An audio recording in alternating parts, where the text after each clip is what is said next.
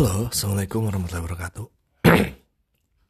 Eh, jadi minggu malam Senin ada temen aku si Syahrul yang datang ke rumah buat nginep kan minggu malam Senin karena hari Seninnya ada wawancara kerja gitu.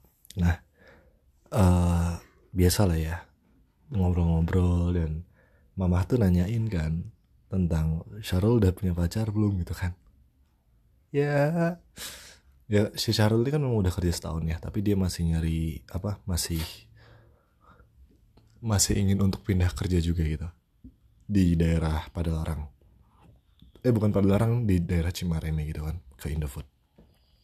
Nah eh, waktu pas saya kayak gitu eh Syahrul bilangnya udah gitu kan udah udah ada yang ini. Terus ya tapi masih terbuka lah gitu kasarannya terus waktu pas aku tadi ngobrol-ngobrol di motor juga eh, memang ada apa ya memang yang deketnya sama dia ini anaknya direktur kominfo gitu. Terus dianya sendiri merasa agak kurang nyaman sebenarnya karena eh, merasakan itu merasakan perbedaan ekonomi itu memang gap banget itu. Bukan cuma masalah keluarganya tapi eh, apa ya namanya ya?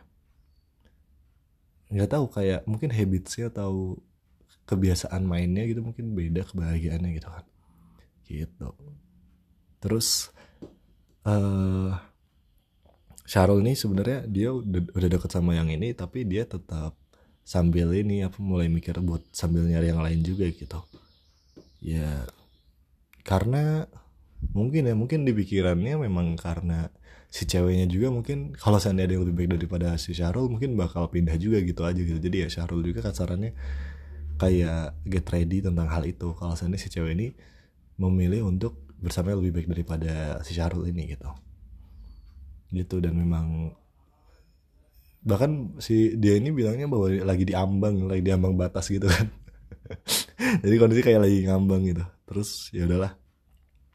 Nah ini kayaknya aku merasakan apa yang Syahrul rasakan ya. Kayaknya eh waktu itu kan aku kayak gitu ke Rida ya. Terus waktu pas sekarang si Syahrul kayak gini juga kondisinya. Eh sebenarnya udah sering banget kita apa ya gak tau kenapa sering banget deket sama orang yang ekonomi di atas kita banget kan. Eh tapi ujung-ujungnya kayak lebih sering buat gak jadi gitu. Nggak tahu kenapa kan emang karakternya beda aja gitu. Ada something yang eh yang membuat entah kita merasa apa ya nggak tahu ya ada feeling ada feeling kayak ini beda gitu pola pikir pola pikir orang yang nggak struggling sama orang yang struggling secara ekonomi itu beda gitu. Jadi kadar kebahagiaannya juga beda kasarnya standar kebahagiaannya beda. Mungkin itu yang jadi utamanya.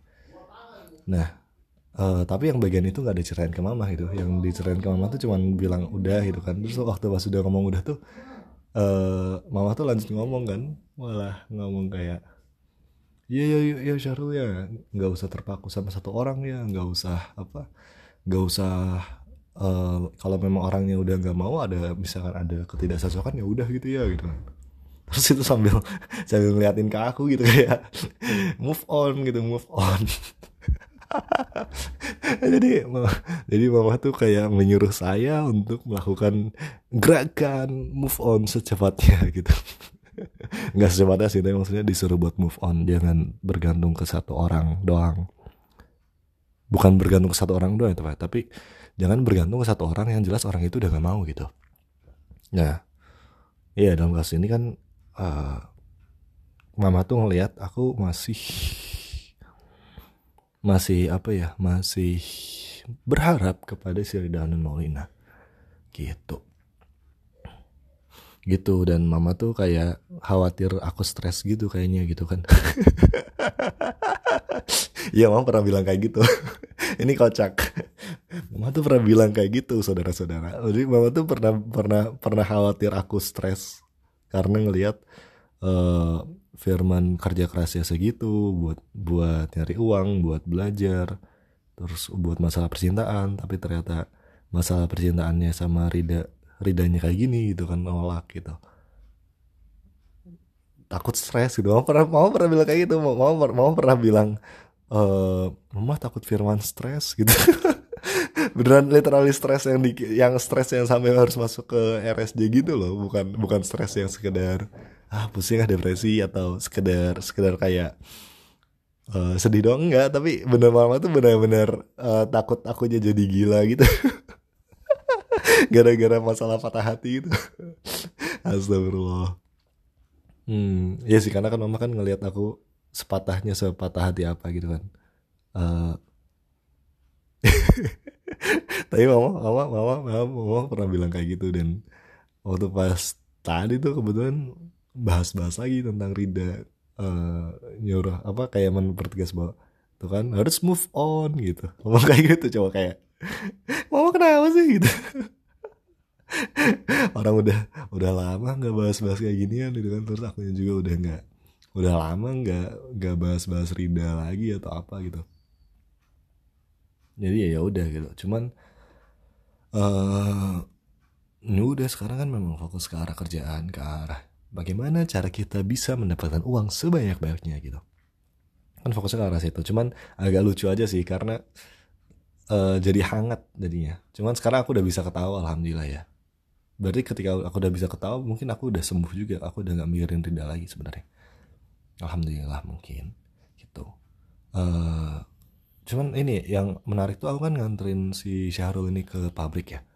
Terus aku tuh ngeliat di pabrik uh, Indofood kan PT Indofood.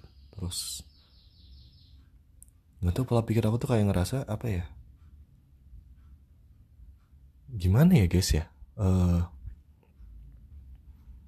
waktu pas aku menginjakan kaki di pabrik itu di PT Indofood itu kan termasuk salah satu perusahaan terbesar di Indonesia kan Indofood. Uh, sahamnya juga harganya lumayan prospeknya bagus itu kan. Aku aku tahu tentang kondisi keuangan perusahaannya gimana gitu. INDP kan? Eh INDF atau INDP IN, INDP Indofood. Indomakmur apa gitu kan nama perusahaannya. Kalau di saham. Harganya berapa aku lupa. Ribuan bukan bukan ratusan bukan saham gorengan gitu Indofood tuh. Dan memang invest jangka panjang banget gitu yang mirip-mirip kayak Bank BCA tapi di sektor food and beverage lah gitu kalau Indofood tuh. Jadi memang uh, saingannya sama Unilever gitu kan. Tapi kalau yang INDF ini yang saham Indofood ini memang bener-bener saham yang Indonesia banget gitu. Kalau Unilever kan saham saham ini ya internasional sebenarnya terus masuk Indonesia gitu kan. Nah kalau kalau Indofood tuh memang bener-bener saham Indonesia gitu dan cukup worth it lah gitu. Dari banding Unilever aku sebenarnya lebih ke arah Indofood sebenarnya kalau sana untuk masalah saham. Tapi kalau untuk masalah kerjaan ya mendingin Unilever sih. Kalau dengar-dengar penghasilan lebih baik di Unilever gitu. Tapi ya culture kerjanya katanya kalau di Unilever agak agak parah gitu. Terus Waalaikumsalam eh Syahrul sudah datang. Gitu. Ntar lanjut lagi